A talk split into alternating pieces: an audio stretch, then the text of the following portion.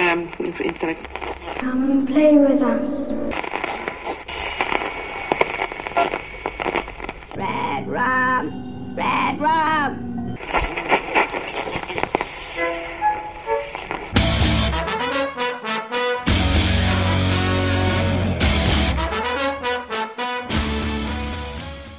Witam serdecznie w czwartym odcinku Wiadomości z Martwej Strefy. Zaczynamy od dość istotnych informacji na temat książki 22 listopada 1963 roku. Powieść nareszcie ma polski tytuł, a brzmi on Dallas 66.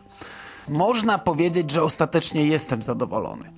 To znaczy, ja mam w tym przypadku bardzo radykalne poglądy i z założenia nie mieści się w moim pojmowaniu świata, jak można wymyślać sobie tytuł książki i czemu autor na to zezwala. Książka to nie jest film.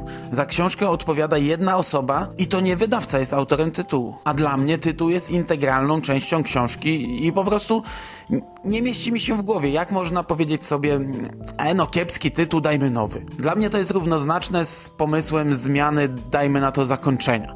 Bo King marne napisał, to poprawmy i będzie lepsza powieść. Nie zgadzam się też, że ciąg cyferek tworzący datę byłby złym tytułem. My za bardzo skupiamy się na samych wydarzeniach, które się wtedy rozegrały, a za mało na tym, że jest to powieść o podróżach w czasie. To co, że data Polakom niewiele mówi, skoro tu chodzi tak naprawdę o czas, a nie o konkretne wydarzenia. Zakładam oczywiście, że King dość wiernie opisze zamach na Kennedy'ego, bo to w końcu King, a on nie robi niczego skrótowo czy po łebkach. Ale trzeba sobie powiedzieć jasno, że to nie będzie powieść historyczna. To czyste science fiction, w którym wydarzenia historyczne są tylko punktem wyjścia. Czemu akurat Dallas 63 ma być lepszy od daty? Łatwiej wymówić? W dzisiejszych czasach i, i tak nie wymawiamy tytułu książki podczas kupowania, bo albo bierzemy spółki, albo klikamy w link na stronie internetowej sklepu. E, samo Dallas natomiast mi tam cały czas kojarzy się ze starą telenowelą. Zresztą miejsce akcji jest tak naprawdę nieistotne w podróżach w czasie, bo nie przenosimy się w przestrzeni. Poza tym, nawet jakby to był najgorszy z możliwych tytułów, to nadal jest to tytuł autorstwa Stephena Kinga, a ja chcę czytać pomysły Kinga, a nie wydawcy. Nie rozumiem takiego tłumaczenia. Tytuł 221163 nie jest zachęcający, więc wymyślamy swój. Dla mnie to jest e, za duża ingerencja w produkt. Zresztą prześledźmy historię wydawniczą Kinga. Kerry, To, Misery, Rosmader, Buick 8, Christine, i tak można by wymieniać. Są to tytuły nie mówiące nic przeciętnemu czytelnikowi, a wznawiane wielokrotnie przez różnych wydawców. Czemu zachowano kiedyś tytuł Kujo? Połowa ludzi nadal nie wie jak to wymówić, a kto nie miał styczności z Kingiem nie wie nawet co ten tytuł oznacza. Obecnie książka trafiła do sprzedaży w ofercie Biedronki w wydaniu pocketowym, czyli jest skierowana do masowego odbiorcy. A w tym przypadku ekranizacja książki nie jest na tyle znana, by przeciętny Kowalski ją kojarzył. Czemu za ten Kujo jest dobrym tytułem, a 221163 nie? Y, to właśnie moim zdaniem Kujo jest jednym z doskonałych przykładów, y, że tytuł nie wpływa tak znacząco na sprzedaż książki, jakby się mogło wydawać. Wydawca od czasu Blaze, y, która sprzedała się bardzo źle, przykłada ogromną wagę do tytułów Kinga. I konsekwencją wpadki z Blaze jest choćby tytuł Ręka Mistrza, który pierwotnie miał brzmieć tak jak w oryginale. Moim zdaniem jednak wydawca nie tu, gdzie trzeba, dopatruje się wpadki z tą książką. Pruszyński postawił wtedy na zagranie takie, jakie zrobił amerykański wydawca, podając jako autora Richarda Bachmana, e, a Kinga jedynie jako twórcę wstępu do książki. Masa ludzi tego tak naprawdę nie złapała. Bo pamiętajmy, że Kingowi fanatycy to jest tylko odsetek czytelników, do których skierowana jest każda kolejna książka. Świetny przykład podał też ktoś na naszej tablicy facebookowej. Pokochała Toma Gordona jest chyba najbardziej niezrozumiałym tytułem dla polskiego czytelnika. Nie dość, że sam tytuł jest głupi, to jeszcze ilu Polaków wie chude fraki z Tom Gordon. No nic, zdążyłem się już jakoś przyzwyczaić do tego, że wydawca zmieni tytuł, bo Pruszyński od początku to podkreślał. I skoro taki był mus, to ostatecznie jestem zadowolony, że nie dostaliśmy kolejnych wariacji w stylu Ostatni Bastion Barta Davesa, a tytuł jakoś tam chociaż zbliżony do oryginału. Świetną wiadomością jest natomiast powrót do starej dobrej tradycji i tu warto dać werbelki. Polska premiera książki Dallas 63 będzie miała miejsce w ten sam dzień co amerykańska, już 8 listopada. Do tego polskie wydanie będzie liczyć plus minus 860 stron. W ciągu miesiąca pojawiło się też kilka ciekawostek na temat zagranicznego wydania. W serwisie Amazon można zamawiać specjalne wydanie powieści Dallas 63. Wydanie to będzie podpisane przez autora, ma też inną okładkę od wydania standardowego i moim zdaniem jest to jednak znacznie lepsza okładka. E, choć zrobiona według tego samego pomysłu. Kosztować to to będzie 93 dolary i 57 centów. I na koniec taka myślę dość kontrowersyjna informacja na temat tej książki. Amerykańskie wydawnictwo zapowiedziało wprowadzenie nadchodzącej powieści Dallas 63 jako e-booka. Wersja ta zawierać będzie bonus w postaci 13-minutowego filmu, który pokaże czytelnikom Stany Zjednoczone lat 60. Scenariusz filmu napisał Stephen King, e, on również będzie narratorem obrazu. I choć jest to tylko dodatek do treści właściwej, to trzeba przyznać, że cholernie fajny dodatek. Można być złym, że dwa równoległe wydania oferują coś innego. E, można być złym, że to wydanie elektroniczne książki, czyli dla wielu mniej ważny produkt, zostaje wyróżniony. Ja jestem chyba skłonny pochwalić to zagranie. Nie podoba mi się, jak polscy wydawcy traktują e-booki i naprawdę przyklasnąłem, gdy dowiedziałem się o tym projekcie, choć niestety nie na naszym rynku. Jednak faktycznie szkoda, że wzorem amerykańskiego wydania Po zachodzie słońca nie wypuszczono jakiejś drugiej, nieco droższej edycji papierowej książki z płytą. Ok, pozostajemy w temacie książek i pozostajemy na naszym gruncie. W ubiegłym miesiącu pojawiło się kilka bardzo istotnych wiadomości dotyczących oczekiwanego wznowienia serii Mroczna Wieża. Albatros przedstawił nowy plan wydania cyklu. Najpierw wznowione zostaną cztery pierwsze tomy w etui. Następnie po kilku miesiącach pojawią się kolejne cztery tomy, także w etui. Co oznacza, że po pierwsze będą to dwa pakiety, a po drugie, przez jakiś czas wiatr przez dziurkę od klucza będzie dostępny tylko w takiej formie. Po kolejnych kilku miesiącach rozpocznie się sprzedaż tych książek pojedynczo. Także osoby, które nie są zainteresowane całym cyklem, a chciałyby przeczytać nową książkę, będą musiały na nią nieco dłużej poczekać. No i mogą być też z tego powodu niezadowolone. E, ale dla mnie jest to raczej dość logiczne zagranie ze strony Albatrosa i nie jest to niczym nowym, że przed samodzielną premierą można nabyć produkt w pakiecie. Co mnie osobiście najbardziej cieszy, jeśli chodzi o to wydanie, to okładki. Jestem po prostu zachwycony pracami pana Jacka Kopalskiego i mówię to pierwszy raz od bardzo dawna. Jak dla mnie zapowiada się najładniejsza seria wydawnicza Kinga w historii jego kariery na naszej ziemi. I tyle w zasadzie. Zgadzam się, że są to dość minimalistyczne grafiki i często bardziej symboliczne niż przedstawiające konkrety z książki. Ale ja jestem zachwycony. I mam nadzieję, że Albatros bez poślizgów wprowadzi pierwszy pakiet y, już w szał przedświątecznych zakupów, kiedy to pakiety idą najlepiej. Wydawnictwo SQN opublikowało opis i okładkę antologii Jest Legendą, o której już niebawem będę znacznie więcej mówił na łamach tego podcastu. W skrócie, jest to książka, w której światowa czołówka twórców literatury grozy składa hołd jednemu z nich, Richardowi Mathesonowi, autorowi m.in. powieści Jestem legendą i scenarzyście kultowego serialu Strefa Mroku. Wstęp do książki napisał sam Ramsey Campbell, legenda brytyjskiego horroru, która w czerwcu odwiedziła wrocławskie Dni Fantastyki. Znajdziemy tu też owoc pierwszej współpracy na linii ojciec-syn Stephen King-Joe Hill, znakomicie napisana i trzymająca w napięciu historia historia krwawego pojedynku na szosie. Ja wspomagam się tutaj opisem książki, ale to dlatego, że po pierwsze zgadzam się z nim w 100%, a poza tym niebawem opublikuję znacznie dłuższą rozmowę na temat tego opowiadania i po części samej książki. A że odcinek został już zarejestrowany, a rozmowę o książce odbyłem wczoraj, nie chciałbym zbyt mocno się tutaj powtarzać. Bardzo polecam jednak śledzić newsy na temat tego wydarzenia, bo choć wielkimi krokami zbliża się prawdziwa jesień kingowców, to choć opowiadanie z antologii stanowi raczej małą cegiełkę, to jest to rzecz naprawdę godna uwagi i niepowtarzalne wydarzenie samo w sobie, gdzie King i Hill krzyżują pióra. Opowiadanie obu panów nosi tytuł Gaz do dechy, natomiast w książce czeka nas jeszcze jeden bardzo pośredni akcent kingowy w postaci tekstu Mika Gerisa, czyli głównego reżysera kingowych ekranizacji, choć przez wielu mocno krytykowanego. Napisał on prequel do Jestem Legendą, zatytułowany Ja również jestem legendą. Ostatni news książkowy dotyczy póki co rynku amerykańskiego. W sierpniu pojawił się oficjalny opis najnowszej książki z, z uniwersum Mrocznej Wieży Wiatr przez dziurkę od klucza. Ja zwykle mało rozumiem z pierwszych opisów książek i tak też jest tym razem. Nawet nie próbuję budować sobie jakiejś wizji tej historii, bo zwykle ostatecznie i tak dostaję do swoich rąk coś zupełnie innego. Jedyne co rzuca się w oczy to fakt, że książka najprawdopodobniej będzie się wykluczała z historią komiksową. Akcja powieści rozgrywa się w zasadzie na przełomie trzech, czterech zeszytów, no i zwyczajnie tam się nie da upchnąć nic więcej. W komiksach jest cała masa luk, które aż się proszą o zapełnienie. Między czwartą a piątą serią komiksową mija aż 8 lat i to jest czas niewykorzystany pomiędzy upadkiem miasta a bitwą na wzgórzu Jericho. Nie rozumiem czemu King nie chce zachować spójności między książkami a komiksami, e, ale najprawdopodobniej trzeba już powoli te dwie wieże, książkową i komiksową, traktować jako dwie odrębne historie. No i ja tego zwyczajnie nie lubię. Świetne jest natomiast to, że choć od zakończenia cyklu minęło już 7 lat i tak naprawdę od tej pory King nie nawiązywał prawie wcale do świata pośredniego, to cały czas mówi się o tej historii i ciągle dostajemy nowe informacje. Teraz przechodzę do krótkiego omówienia komiksów i znów zaczynam od wieży. Po pierwsze, w nowych zapowiedziach komiksowych nie ma kolejnej serii, e, ale to nie pierwsza przerwa między kolejnymi rozdziałami, więc nie ma co płakać.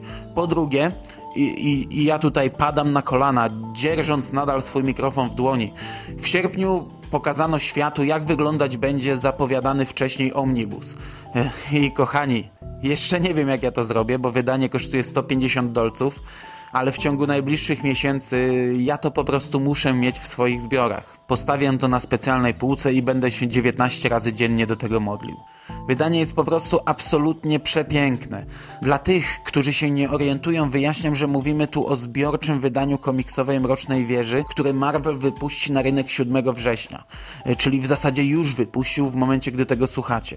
Są to dwa tomy zawierające wszystkie 30 zeszytów pierwszych pięciu serii oraz materiały dodatkowe, jakie się w nich ukazały, a jest to m.in. 30 opowiadań ze świata wieży autorstwa Robin Ford. Po raz pierwszy wydane zbiorczo w postaci Wielkiej Księgi. Jak dotąd opowiadania były tylko wydawane w zeszytach. Plus oczywiście trzy przewodniki po świecie Mrocznej Wieży. Całość będzie liczyć 928 stron i zostanie umieszczona w etui Format stron będzie większy od standardowego, w którym dotychczas były wydawane te komiksy. W internecie pojawiły się pierwsze zdjęcia tego wydania, a następnie filmik w Marvelowym Witkaście. Zakochałem się w tym wydaniu i póki co jest to nieszczęśliwa i nieodwzajemniona miłość, z czym mi bardzo źle. Na zakończenie w temacie komiksowym wypada wspomnieć, że ostatnia seria Bastionu będzie liczyła po raz pierwszy aż 6 zeszytów. Póki co ucichł natomiast temat one-shota, o którym kiedyś mówił nam Mike Perkins. Na razie brak też jakichkolwiek spekulacji na temat tego, co i czy w ogóle coś z dorobku Stephena Kinga jest brane pod uwagę w kolejnej komiksowej adaptacji, gdyż już niebawem zostanie nam tylko Mroczna Wieża, a ta też ma się ku końcowi. Przechodzimy do tematu filmów. Miniony miesiąc zdominowany został informacjami dotyczącymi powstającej aktualnie ekranizacji książki Worek Kości. Przy czym są to głównie kolejne nazwiska aktorów, a, a że w większości niewiele mi one mówią, to i ograniczyć się mogę jedynie do wzmianki o nich. A są to kolejno.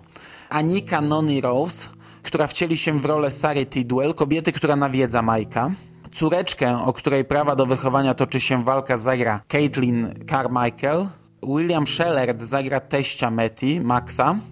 Gary Lovert pojawi się jako George Footman i na koniec informacja, która mnie osobiście wyjątkowo ucieszyła. Jako, że wychowałem się między innymi na Beverly Hills 90210 i cały czas z radością witam sporadyczne występy tamtych, mm, wtedy jeszcze gwiazd nastolatków.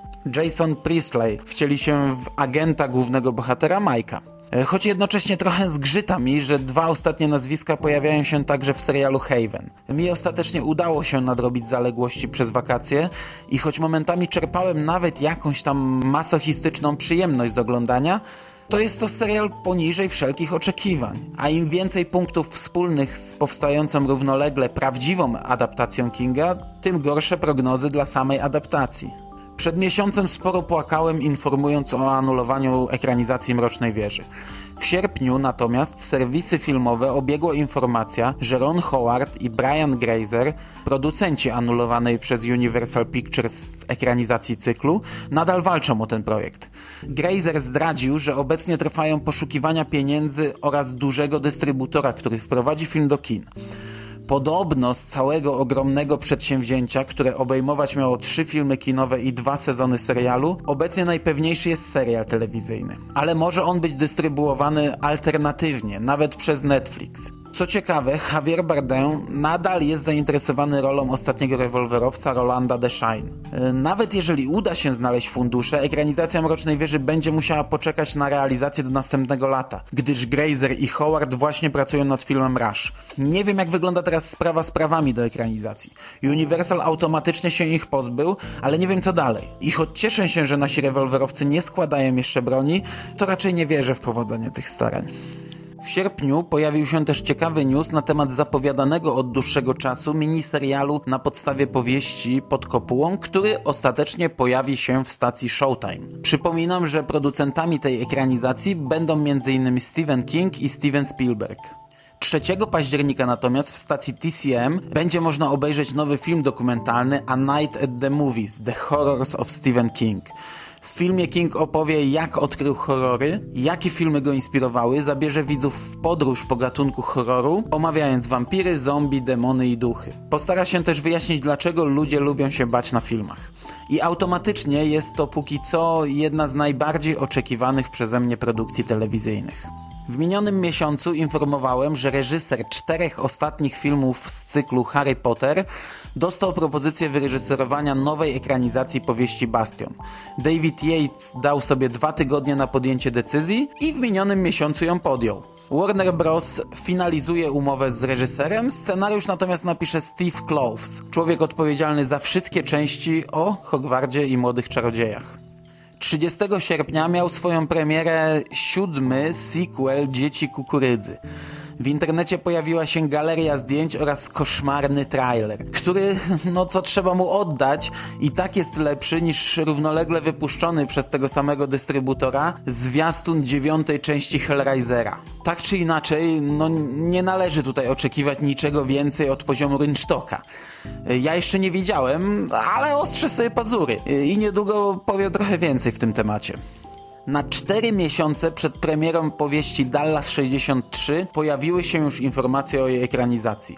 Reżyser m.in. Milczenia Owiec czy Filadelfii ma zamiar napisać scenariusz, wyreżyserować i wyprodukować film na podstawie książki Kinga. Co więcej, Steven miałby być producentem wykonawczym. Na chwilę obecną reżyser chciałby zacząć pracę na planie jesienią 2012 roku.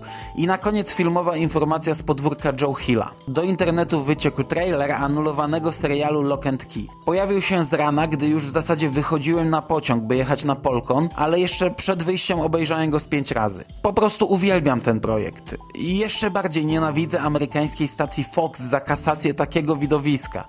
No dobra, ale ja tu się zatrzymam, bo jestem bliski tego, by powiedzieć za dużo. Na zakończenie jeszcze garść ciekawostek z ubiegłego miesiąca. Amerykański wampir Stephena Kinga, Scotta Snydera i Rafaela Albuquerque ponownie otrzymał jedną z najważniejszych nagród w branży w kategorii najlepsza nowa seria. Tym razem został uhonorowany nagrodą Harveya. I brawo dla tych panów. 27 października w czasopiśmie Granta ukaże się nowe opowiadanie Stephena Kinga The Dune. Na początku sierpnia silna wichura złamała drzewo, które było jednym z punktów wycieczek fanów Kinga. Mowa tu o kolosie, pod którym filmowy Andy schował skrzyneczkę z wiadomością dla Reda po ucieczce z więzienia Shawshank.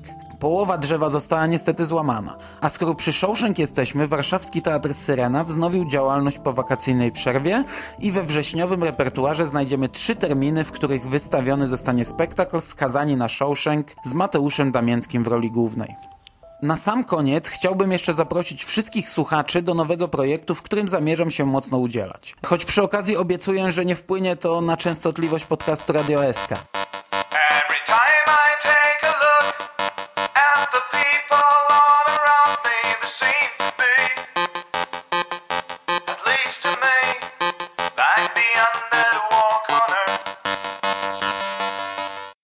Mówię tu o projekcie dwóch panów z klubu Go Go, Gonzo i Godaj.